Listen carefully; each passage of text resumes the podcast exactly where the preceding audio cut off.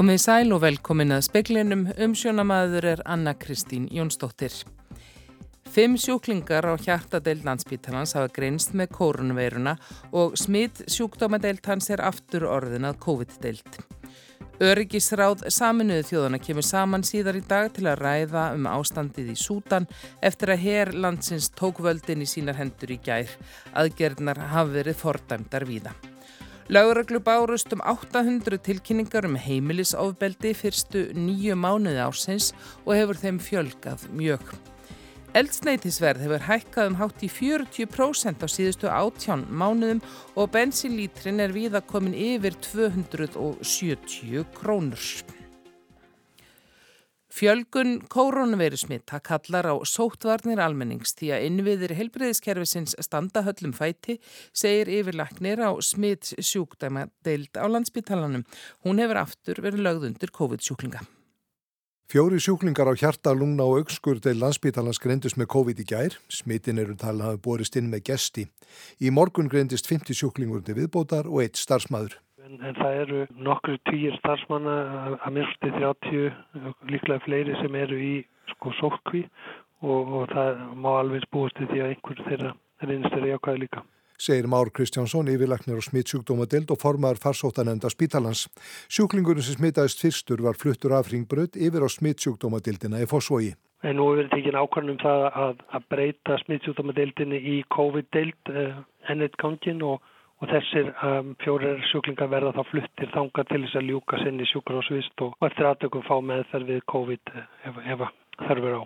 Már segir að faraldurinn sé að sækja í sig veðrið. Já og það, það er einhver blöðum með það að fletta og, og, og samkvæmt sko COVID-punkturins að þá er hlutfall uh, einkenna sína núna mun herra heldur en það var til dæmis í sumar. Uh, við erum sjá líka stöðuan og jafnan vöxt í nýgengi, séta nýgengi er núna 232 tilfelli sem er, er, er afar hátt og fer hækkandi.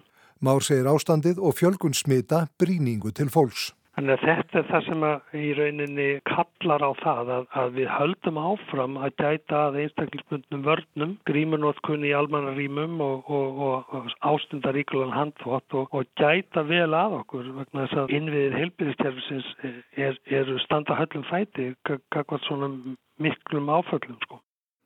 Sagði Már Kristjánsson, Haukur Holm tók saman. Mikið álag hefur verið á badnaspítarar ringsins að undaförnu um helgina þurftu börn að leggja þar á göngunum. Árstíðabundnar pestir hjá börnum hafa verið skæðar. Ragnar Bjarnason, yfirlæknir, segir að RS-vírusin hafi komið að miklum kraft í haust og útlitt sé fyrir að influensu faraldurinn verði líka erfiður viðregnar. Miklar sótarnarafstánir hafa verið í samfélaginu síðan að COVID-faraldurinn fór að breyðast út í fyrra og því eru mörg ungböld sem ekki hafa áður fundið fyrir þessum veirum. Öryggisráð saminuði þjóðana hefur verið bóða til fundar síðar í dag vegna valdaráns hersins í Sútan. Forsætis ráðherralandsins og fleiri ráðherrum og embættismönnum er haldið í stofufangilsi. Æðsti yfirmaður hersins neytar því að þetta hafi verið valdarán, einungis hafi þurft að rétta af stefnuna í áttil líðræðis. Samanuðu þjóðirnar, Afrikusambandið, Evrópusambandið og leðtógar margra þjóða hafa mótmælt aðgerðum hersins. Antonio Guterres, aðal frangpöndastjóri Samanuðu þjóðana, ítrekkaði dag kröfu sína um að Abdallah Hamok forsættisir á þeirra erði sleftur haldi þegar í stað. Hann sagði að landfræði pólitískara aðstæður vegna heimsfaraldursins hefðu komið í veg fyrir að öryggisráði geti greipið til hardra aðgerða við aðstæður sem þessar. Það þýtti þó ekki að herrstjórar getu hegða sér hvernig sem er átölu laust eins og í Myanmar og nokkrum Afrikuríkjum. Abdel Fattah al-Búran hersöðingi, aðsti yfir maður súdanska hersins, sagði í dag að Hamdokk fórsetis ráð þeirra og eiginkonu hans væri haldið heima hjá honum. Þau eruðu látin laus þegar um hægðist. Netsambandi hefur enn ekki verið komið á í Sútan og símsamband er stópult. Öllu millilandaflugi hefur verið aflýst til lögardags. Sendiherrar Sútans í Belgíu, Sviss og Fraklandi fordæmdu valdaránið í dag í samanlegri yfirlýsingu. Þeir sáðu að sendiráðin tilherðu sómölsku þjóðinni og að sendinemdirnar innu fyrir hana og líðræðisbyltinguna í landinu. Ásker Tómasson sagði frá. Yfir 200 manns fara daglega á vefgátt neyðarlínunar vegna ofbeldis. Þar geta þólendur, ofbeldis, gerendur og aðstandendur leitað aðstóðar og nálgast fræðslu. En fjölgar tilkynningum um heimilisofbeldi til lauruglu og líka tilkynningum til batnavendar. Vefgáttin var opnuð fyrir ári. Að meðaltali hafa 235 manns heimsóttan á dag sem er mun meira en búist hafði verið við. Eigló Harðardóttir, fyrirvinandi félagsmálar á þeirra, er í aðgerðateimi yfirvalda sem hefur það hlutverk að stýra útfærslu aðgerða gegn ofbeldi. Hún segir hafa skipt miklu máli í faraldrinum að fólk hefði greiðan aðganga þjónustu með fjölbreyttum leiðum. Neðalínan er búin að taka ákvörnum það að, að, að, að vefgáttin er komin til að vera og hún verður þróið áfram og framundan er meðal annars að sérstaklega áherslur á, á stafrandóbeldi en við hefum verið að sjá sérstaklega í svona fjölbreytari og skadalegri byrtingamindir af, af, af stafrandóbeldi. Tæplega 10.000 tilkynningar bárust barnavendum land allt á fyrstu nýju mánu um þessa árs. Tæplega 800 tilkynningar um heimilisóbeldi bárust lögreglu. Í tilkynningu frá ríkislauruglustjóra segir að fjöldi þessara mála sé áfram í hæstu hæðum. Eigló segir ekki fyllilega ljóst hvort fleiri beiti ofbeldi en áður eða hvort tilkynningarnar séu fleiri. Rannsóknir bendi þó til þess síðar nefnda en það, það skiptir náttúrulega mjög miklu máli því annars er svo mikil hægt að því að ábeldi verði eh, viðvarandi og að það komi upp ítrykkunarblót. Þannig að, að það er það sem sérst, okkur hefur fundist skipta mestu máli með gáttinni og því sem hefur að gera stundafæri í samfélaginu er það að fólk er að tilkynna uh, oftar og meira og, og veit að, og er að finna það að það er aðstóð að fá. Sagði Eigló Harðardóttir við daginn í huldu Erlendsdóttur. Nánar er fjallað um þetta á rúf.is. Verð á eldsneiti hefur ekki verið eins hátt hér á landi síðan árið 2012. Heimsmarkaðsverð hefur hækkað skarpt undanfanna mánuði og það skila sér hingað. Á flestum bensinstöðum í landinu kostar bensinlítri núna rúmlega 270 krónur en á nokkrum bensinstöðum, ekki síst í nágræni við bækistöða Kostgó í Garðabæk, kostar eldsneitið minna eðum 230 krónur. Hinrik Örd Bjarnason er framkvæmdastjóri N1.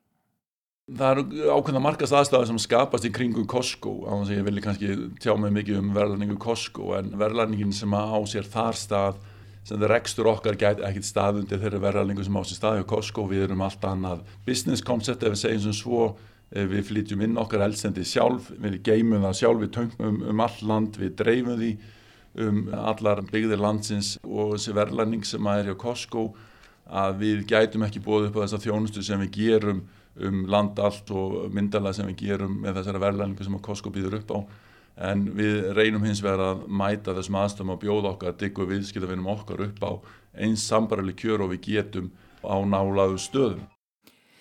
Sagði Hinrik Örn Bjarnason, rætt verðu við hann og Runolf Ólafsson um eldsneitsverð síðar í speklinum.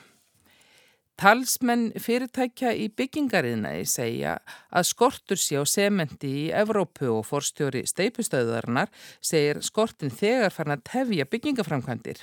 Gunnar Sigursson, framkvæmdastjóri sements verksmiðunar, segir líklegt að vönduninn stafi af röskunum á framlegslu og flutningum í heimsfaraldri. Þetta er væntalega sko enn einn byltingamyndin á því hvernig flutniskerfi hafa rofnað og framlegslega hefur dreyið saman í heiminum í, í kjálfar heimsfaraldursins.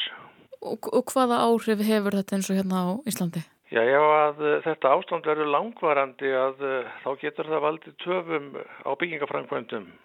Þetta fór að svona bera á þessu núna í haust En uh, svo er eða ekki vita hvað þetta ástand væri lengi en mögulega batnar ástandið í okkar heimsluta þegar veturinn skellur á með kólunandi veðri og minni eftirspurning til semendi. En uh, við hjá semisversmiðinni eigum uh, eins og staðan er núna fullt í fangi með að standa við okkar skuldbindingar sem þegar hafi verið gerðar en, en við erum að vinna hörðum höndum að því að útvega meira sement til landsins. Sagði Gunnar Sigursson við Ólefur Rún Erlendstóttur. Maður vopnaður boga og örfum var handtekkin á Selfossi nótt. Lauðregla fjekk tilkynningu á fymta tímanum að maðurinn væri á gangi við Tryggvatorg. Hún fyldist með honum nokkra stund og hann tók hann svo. Maðurinn laði strax niður vopnin, var ferður í fangaklefa og verður yfir heyrður um ferðir sínar og fyrirætlanir. Sérsveit, ríkislauglustjóra og sjúkrafluttingamenn á Selfossi voru settir í viðbrastöðu eins og reglu vopnaðra manna.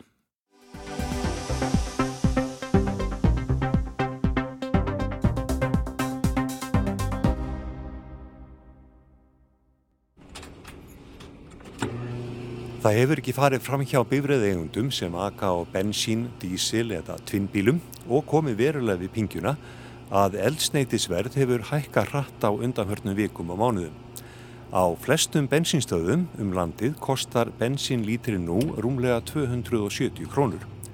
Vissuleg er hægt að fá ódýrara bensin á nokkrum bensinstöðum á höfuborgarsvæðinu og á Akureyri. Það skýrist af stæstum hluta á útsöluverði Costco í Garðabæ, þar sem bensinlítrin kostar tæflega 230 krónur. Aðrar stöðvar hafa svarað því með því að bjóða svipað verð í nákrenni við alþjóðlega veslunarísan en þegar komið er út fyrir þann ratíus 270 krónur, takk fyrir. Fyrir rúmi ári, í mæ 2020, var algengt lítraverð sangkvæmt bensínvakt kjarnans og hugbúnaði fyrirtækisins segðs 194 krónur. Speillin rætti í dag við þá Hinrik Örd Bjarnason, framkvæmdastjóra N1 og Runól Ólásson, framkvæmdastjóra félags íslenskara bifræðeiganda um útlitt og horfur í verði á elsneiti. Byrjum á Hinriki. Af hverju hefur verðið hækkað? Ástæðan er að mínum að þið fyrst og fremst svo að efnaðskerfi heimsins er að ranka vissir eftir COVID þar sem var búið að skera niður framlegslu OPEC og nú eru bara byrðir í heifinum að minga. Efnaðskerfi heimsins er að taka við hraðar heldur en kannski margir áttu von á sem verða til þess að byrði minga og, og OPEC hefur ekki auki framleyslinn í takti það og það myndast þannig að verð pressa. Við sjáum til dæmis í Kína að kýmverar er að reyna að auka kólaframleyslinu sína til að draga úr nótkunna á elsniti, byrðir í bandaríkjunum, Japan og Indlandi mingar og gasverð hækkar og allt þetta leiði til þess að það meiri eftir, eftir jarðan elsniti. Elsnitsverð á Íslandi er náttúrulega samansett að mörgum liðum stæðstu liðin eru eftir sem áður ofinberð gjöld og ég held að verða á Íslandi sé alveg sangjart sem að breytist í takt við verðlanningu á heimsmarkaði á hverjum degi. Hvernig sérðu þróunar næstu vikum á mánuðum? Það er gríðilega erfitt að spá um það. Þetta eldstendisverðið er ennahekka erlendis. Ef við skoðum kannski lengra tímambila þá er þetta ekkert óvennulegt. Við sáum herri tölunum þetta 2008, við sáum herri tölunum þetta 2012 en yfirld eða til lengri tíma líti hefur þetta alltaf lækkað úr þessum tölum og ég er nú trúið að það muni gera það líka núna. Það er eitt sem almenningur vissulega klóra sér í kollinum yfir. Það er hvers vegna er hægt að kaupa bensín á 230 krónur í einhvern vissum ratus í kringum Costco en þar svo borga 270 krónur annars þar á landinu. Það eru ákveðna markast aðstæði sem skapast í kringum Costco á þess að ég vilja kannski tjá mig mikið um verðlæningu Costco en verðlæningin sem á sér þar stað sem það rekstur okkar gæti ekkit staðundi þeirra verðarlingu sem á sér staði á Costco. Við erum allt annað business concept ef við segjum sem svo. Við flytjum inn okkar elsendi sjálf við geymum það sjálf, við töngum um, um all land við dreifum því um allar byggðir landsins. Ekki er þjónustu fyrirtæki í Íslandi held ég starfra ekki þjónustu eins víða og enn einn um landið. Við erum allt frá Þóssöfn út á Snæfellsnes og Östfjörðumir og Vestfjörði og regum myndalega starfsemi víðast hvar. Og þessi verðlarning sem er hjá Costco að við gætum ekki bóðið upp á þessa þjónustu sem við gerum um land allt og myndala sem við gerum með þessara verðlæningu sem að Costco býður upp á en við reynum hins vegar að mæta þessum aðstöðum að bjóða okkar að diggu viðskiptafinnum okkar upp á eins sambarali kjör og við getum á nálaðu stöðum. Segir Hinrik Örd Bjarnason, frangvandastjóri N1. Runólfur Ólarsson, frangvandastjóri félags íslenskra bifræðegenda, segir að hækkun á elsneiti leggist þungt í félagsmenn. Við þetta heyrum mikið frá félagsmennum sem að kvarta sáran og sínu vest er þetta, þetta í einu dreifðari byggðum þar sem er ekki aðgangur að ódýrar elsniti eins og við höfum þó að hluta til hérna í höfðborginni eða höfðborgarstæðinu. Þá sáum við allan áhrif samkeppni frá Costco hafa jákvæð áhrif á, á samkeppnina í kringum það svæði og síðan hefur það líka part síðan þessu út þar segja til akkurirar en að öðru leiti eru þessi háverð almennt í gangi í einu drauðubyggðum þannig að við sjáum verulega verðmun, við erum ódýrstu verðin á markaðin dag. Fyrir bensinni er um 230 krónur lítirinn og hæstu verðin eru komin í tæflega 275 krónur. Verðið hefur verið að hækka um, sem dæmi hjá N1 hefur verðið hækka frá áramótum um 48 krónur á lítrana bensinni þannig að ef við hugsaum þetta í einhvern stærðum þá er farið að kosta kannski yfir 2000 krónur meira að fylla á venilegan bíl. Um þessar myndi með það sem það kostaði um, um áramótin síðustu. Þannig að sama safna þá er þetta kannski fyrir eina fjölskyldu þá þýðir þetta útgjald á aukningu upp á einhver staðar sannlega á bylnu 70 til 100.000 yfir árið. Forraða menn oljufélagana benda á að það sé kannski ósangjönd að bera saman Costco og þeirra félug þau eru út um all land og þurfa að sína þjónustu allstaðar, Costco er á einu stað í Garðabæ. Sko það er ekkit óveilvægt að sé ykkur vermunur en þegar verðmunum er þetta mikil þá er hann árið líka mjög óeðlur og við sjáum ekki svona mikil verðmun í nákvæmlandum okkar. Þannig að eh, félagin treysta sér jú til að bjóða þetta ódýrar að veru verð eins og til dæmis í höfuborgarsvæðinu og Akureyri. Og við sjáum það líka að eins og hér á okkar svæði þá er mikið að gera á þessum stöðum sem bjóða ódýrar að verðið meðan hínastöðunar eru gætnan alveg tómar. Þannig að með við fjárbinding og fjármáskostna þá er allan eðlilegt að reyna frekar að lokka viðskiptin og þá í leiðinni að auka hagraðingu og fækka stöðum. Á hverjum bytnar þetta helst? Bytnar langvest á þeim sem að hafa minna umleikis. Þeir sem hafa minnst umleikis, þeir eru oftast á eldri bílun sem gætnan eru þá eigða meiru og, og minga meira og það er með dýrar í rekstri þannig að þessi kostnar með hækkandi orkuverði hann bytnar vest á þeim sem minnst hafa umleikis og þurfa um langan veg að fara eftir vinnu eða þjónust. Segir Runolfur Ólafsson hjá FIB. En íta þessar elsnætishækkanir frekar undir að orkuskiptum verði hraðað. Hinrikard Bjarnason hjá N1. Klárlega myndi ég halda að það gerir það. Vissulega fyrir fólk sem er að kaupa sér bíla í dag, það ber saman þess að valkosti. Hins vegar á ég nú ekki vonu öðru heldur en að ramagsverðmunni einnig hækka með tíð og tíma. Og nú síðast í síðustu viku tilkynnti landsvirkjun alltaf 15% hækkun á tökstum sínum og, og ég á ekki vona á því að annað en að orkuverð á Íslandi muni almennt hækka en vissulega ítir hátt eldsendisverð undir orkuskiptin og, og við sem félag búum okkur og höfum verið að búa okkur undanferðin 4-5-6 ár undir orkuskiptin. Við erum orðin stór sögulegaðilega á raforku, bæðið til fyrirtækja og heimila og við höfum staðið myndar að því að setja upp rafrættistöður um all land í okkar huga eru orkuðskiptin bara mjög ánægilegu og spennandi áskorun sem félag.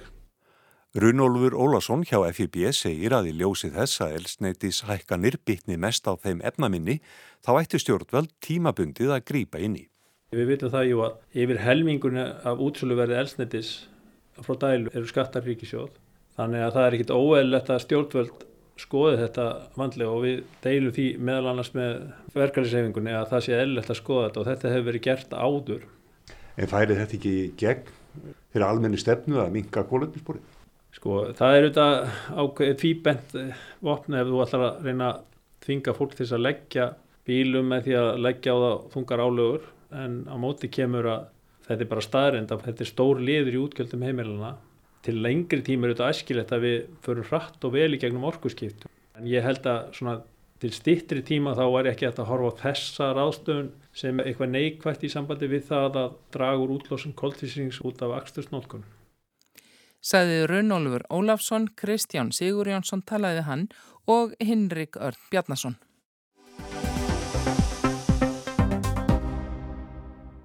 Hvaða máli skiptir bakgrunnu nefnda þegar kemur að vala á framhaldsskóla? Hvaða breytur skipta mest um það hvert er fara og hafa allir frjálst val? Guðrún Ragnarstóttir er dósend á mentavísindasviði Háskóla Íslands og sérfróðum framhaldsskólan. Hún hefur í félagi við kollega sína Elsu Eiríksdóttur og Kristjánu Stellu Blöndal nýlega leitt að svara við spurningunni val fyrir hverja framhaldsskóla val í ljósi félagslegs réttlætis. Guðrún segir að margir þættir spili saman þegar hortir til þess hvert grunnskólanemendur fara. Kerfið, orðræða í samfélaginu, vinnir og foreldrar svo nokkuð sér nefnd. Og svo bara intöku skilirinn í skólana er stór þáttur sem ræður för þarna. Og mjög umhugsunumvert að við erum að skrifa í bókakabla núna sem byrtist uh, á næstu mánuðum þar sem við erum búin að skoða stórt meginlegt gagnasett þýðis rannsók þar sem við erum að skoða þætti eins og félags- og efnæslega þætti og mentastöðu fóreldra við erum að skoða náms árangur og þá fyrst og fremst bóklegan árangur í íslensku og ennsku starffræði grunnskóla og, og, og svo uh, framtíðar áform nefnda og það er mjög affjönd að sjá hvert þeir sem eru svona í hærri stigum samfélagsins, þar að segja í, í nefnd sem eiga mentaða fóreldra hafa hærri félags- og efnahanslegan stöðu, hvernig þau ráða raðast í framhalskóluna. Og hvernig raðast þau? Já, það eru þessi skólar og þetta er bara á höfuborgarsvæðinu, bara best að til að það, halda því til haga því þetta er flóki kerfi. Þeir eru, eru sagt, margir í þessum bóknámsskólum, þessum skólum sem bjóða fyrst og fremst upp á bóknám og, og skólar sem hafa ekki fjölbreytilegan og það er svo ímislegt í intöku kerfinu sem skýrir þetta og reynir stefnu sem stangast á eins og til dæmis stefnu stjórnvalla um inngildingu og sko, er reynir skólu fyrir alla eða skóli án aðgreiningar, þetta eru hugtök sem hafa verið að nota svona ímist verðandi þetta fyrirbæri. Og svo dreifstýring þegar skólanir skapa sín eigin sérstöðu og búa sér til svo intöku hindranir og velja sér nefnendur út frá því. Þetta skapar ákveðin svona stigveldi skóla og lagskiptingu innan kervisins að því að það er bara frekar svona með við þessas niðurstöðu sem við erum með hérna. Skólanir velja nefnendur inn eftir þessum áherslum, bóknámsáherslum. Í indöku skilur þeim ekkert fjalla um starfsnám, fyrst og fremst bara þrjár greinar og sumir skólar tvöfalda einhvernir til í starffræði og, og öðru til að ná þessum einstaklingum sem tilheyra efri stjættum samfélagsins og þetta finnst mér vandamál og eitthvað sem þarf að skoða verulega. Og spurningi þessu samingi hverjir hafa val? Eru það bara sumir? Og þessa niðurstöður sína það skýrt að það hafi ekki allir val. Það gerist ímislegt frá því frá áramótun þegar nefnundur velja sér skóla í forvali. Þá eru foreldrar sem stýra og beina þeim ákveðna brautir. Skólanir þeirra beina þeirra ákveðna brautir út frá námsframvindu og, og svo framvist. Þannig að það er svo margt ósynlegt í þessu kerfi okkar, þessu valkerfi sem endur speglast í þessu. Guðrún telur að það verði að ræða um valið á nefndunum og hverjir beri ábyrð á fjölbreytni í skólasamfélaginu. Það sé ekki holdt að nefndahópatnir verði svo einsleitir sem rannsóknir þeirra sína. Landsbyðarsjónumið megi heldur ekki gleymast landið sé eitt markasvæði samkeppnin um nefndur hörð og hún er líka hugsið því hver áhrifin eru inn í háskólana nýjar áherslur varðandi intöku inn í háskóluna en aftur á móti eru sumar deildir og kannski þessar sumu deildir þar sem þessir ákveðnu skólar, bóknarskólar er að metta fólk til að herða intöku skiliði og, og velja til síns og áfram nefndur þar sko. Háskólinn kannski horfast í augu við það sem framhalskólinn var að gera á síðustu öll. Það er fjölbreyttar hópur að sækja í háskólan og það þýðir að við þurfum að skoða þetta með gaggrinum augum og skoða hvernig flæðið er í gegnum kerfið og, og spyrja okkur hvað finnst okkur samfélagslega mikilvægt. Og markmið og tilgangur mentunar er nokkuð sem alltaf þarf að hafa í huga, segi Guðrún. Er við að menta nefnendur fyrir atunlífið eða skiptir þessi félagstaraftröski miklu máli og þessi tími sem þið er í framhaldsskólanum Og, og ég held að við þurfum að horfa á það. Ég er búin að, eins og ég sagði aðan, búin að sapna gögnum innan háskólans þar sem við erum að horfa á þessar áskorunni sem komu varðandi styktingana. Og það er ímsar, ímislegt sem að háskólinn er að horfast í augu við núna sem tengist, sumir vilja meina, teng, meina tengist styktingunni, það er ímislegt jákvæmt að koma fram líka eins og virkari nefndahópur og svona nefndahópur sem tekur meira þátt í háskólastarfinu og, og, kennslunni. Það er ímislegt sem bendir til þess að íslensku kunnóta standi höllum fæti með við áður ennskan og tungumálinn, raungreinarnar og við erum að skoða þetta núna og auðvitað þarf að skoða þetta allt í þessu samingi. Saði Guðrún Ragnarstóttir, dósend á mentavísindasviði Háskóla Íslands. Facebook gerir alls ekki allt sem hægt væri til að hindra hatursumræðu og hlýfa börnum við óviðegandi og hættulugu efni, segir Frances Haugen sem áður vann hjá Facebook en hefur ljóstrað upp um þangagangi þar að tjaldabakki meðal annars í gær fyrir breskri þingnemt. Hatursumræðu og villandi efni á samfélagsmiðlum eins og Facebook er orðin augljós samfélagsvandi. Fyrirtækin sjálf hafa lengi talið að þau væru besti lögjafinn í eigin efnum en um það efast margir. Í Breitlandi er í deiklunni lögjöf um netöryggi til að hindra dreifingu og hættulu efni líka því sem er beint til barna og unlinga. Í gær satt Francis Haugen fyrir svörum breskrar þingnemdar. Haugen var náður hjá Facebook en hefur undanfarið ljóstrað upp um hvernig Facebook taki á öfga og hattursefni, bæði á Facebook og dótturfyrirtækinu Instagram. Hágen satt líka nýlega fyrir svörum hjá bandarískri þingnemnd, hefur afhend henni innanúsefni frá Facebook sem nokkrir fjölmiðlar hafa unnið úr og byrt. Facebook never set out to prioritize polarizing divisive content. It just happened to be a side effect of choices they did make. Það var ekki ætlun Facebook í upphafi að byrta efni sem elur á sundrung og yllindum. Það voru einfallega hliðar áhrif ákvarðana sem fyrirtæki tók sagði Frances Haugen í Breska þinginu. Hún hefði stíið fram að því hún hefði miklar áhyggjur af áhrifum Facebook á samfélagið. En hvaða ákvarðanir Facebook hafað mati Haugen ítt undir hatur og hættulegt efni?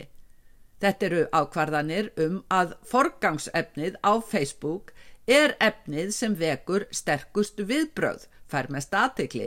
Slíkt efni er meðal annars hatursefni og öfgafullt efni af öllu tægi misvísandi og fjarrri staðrindum. Because engagement-based ranking does two things. One, it prior prioritizes and amplifies divisive, polarizing, extreme content, and two, it concentrates it. Þessi flokkun eftir viðbröðum hefur tvennskonar áhrif. Í fyrsta lagi veitur hún forgang og hampar efni sem ítir undir sundrung og yllindi öfgafullt efni. Í öðru lagi þjappar þessi flokkun svona efni saman, saði Háken. Stjórnendur Facebook fullir það að þetta efni sé mjög lítið hluti Facebook efnis. Háken segist ekki alveg treystatölum Facebook en magnið sé heldur ekki aðalatriðið. Aðalatriðið sé þessi samþjöppun. Facebook fann vissulega ekki upp hatur eða kynþáttaofbeldi en málið snúist heldur ekki um það. And that's not the question. The question is what is Facebook doing to amplify or, or expand hate? What is it doing to amplify or expand ethnic violence? You're right. I mean, Facebook didn't invent hate, but do you think it's making hate worse? Unquestionably, it's making hate worse. Spurningin er hvað Facebook gerir til að magna og breyð út hattur. Facebook fann ekki upp hattur en gerða hattur illt verra, spurði einn þingmaðurinn undir þetta tók háken. Facebook gerði hattur verra. Kjarnin í framburðennar er að anstætt fullirðingum Facebook þá gerir fyrirtækið ekki allt sem hægt er til að tryggja öryggi þeirra tæplega þryggja miljardajarðarbúa sem nota Facebook. Það gerir of lítið úr andsamfélagslegum áhrifum Facebook og í þeim efnum hafi forraðamenn fyrirtækisins vildum fyrir bæði fjárfestum og almenningi. Það er engum þrent sem lekaefnið frá Facebook sínir varðandi viðletni Facebook til að draga úr hættulegu og skadlegu efni beinist aðteglin engum að ennsku málsvæði en lekaefni sínir að áhrifin á öðru málsvæðum eru ennverri því þar gerir Facebook afar lítið. Facebook skilji heldur ekki til fulls áhrifin af algrími sem fyrirtæki notar til að stýra efnisbyrtingu.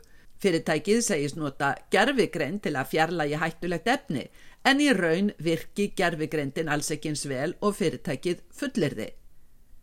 Í bóksinni The Age of Surveillance Capitalism bendir Sosjana Tsubov, professor við Harvard á, að það hafi aldrei verið ætlunin að reysa fyrirtækið sem ættu yfirgrips mikið sapn upplýsinga um einstaklinga og styrðu efni til þeirra væru án ofinbers eftirlits. Þau hafi einfallega orðið til einmitt á þeim tíma þegar stjórnmálmenn voru almennt hallir undir sem minnst ríkisafskipti. Undan farin ár hefur víða staðið hörð rimma um lögjöf fyrir samfélagsmiðla. Facebook hefur beitt sér öfluglega gegn lögjöf, fyrirtækin besti að setja sér sínar eigin reglur. Undan farin misseri hefur Mark Zuckerberg, forstjóri Facebook, þó tekið undir að lögjöf eigi rétt á sér. Það likur nú nokkuð ljóst fyrir hvað Facebook veit um eigin áhrif án þess að aðhafast mikið en hins vegar enn óljóst hvernig ríkistjórnir í hinnum ímsulöndum allað hindra skadan af þessari samþjöppun öfgá hatursefnis sem daglega blasir við á samfélagsmiðlum eins og Facebook.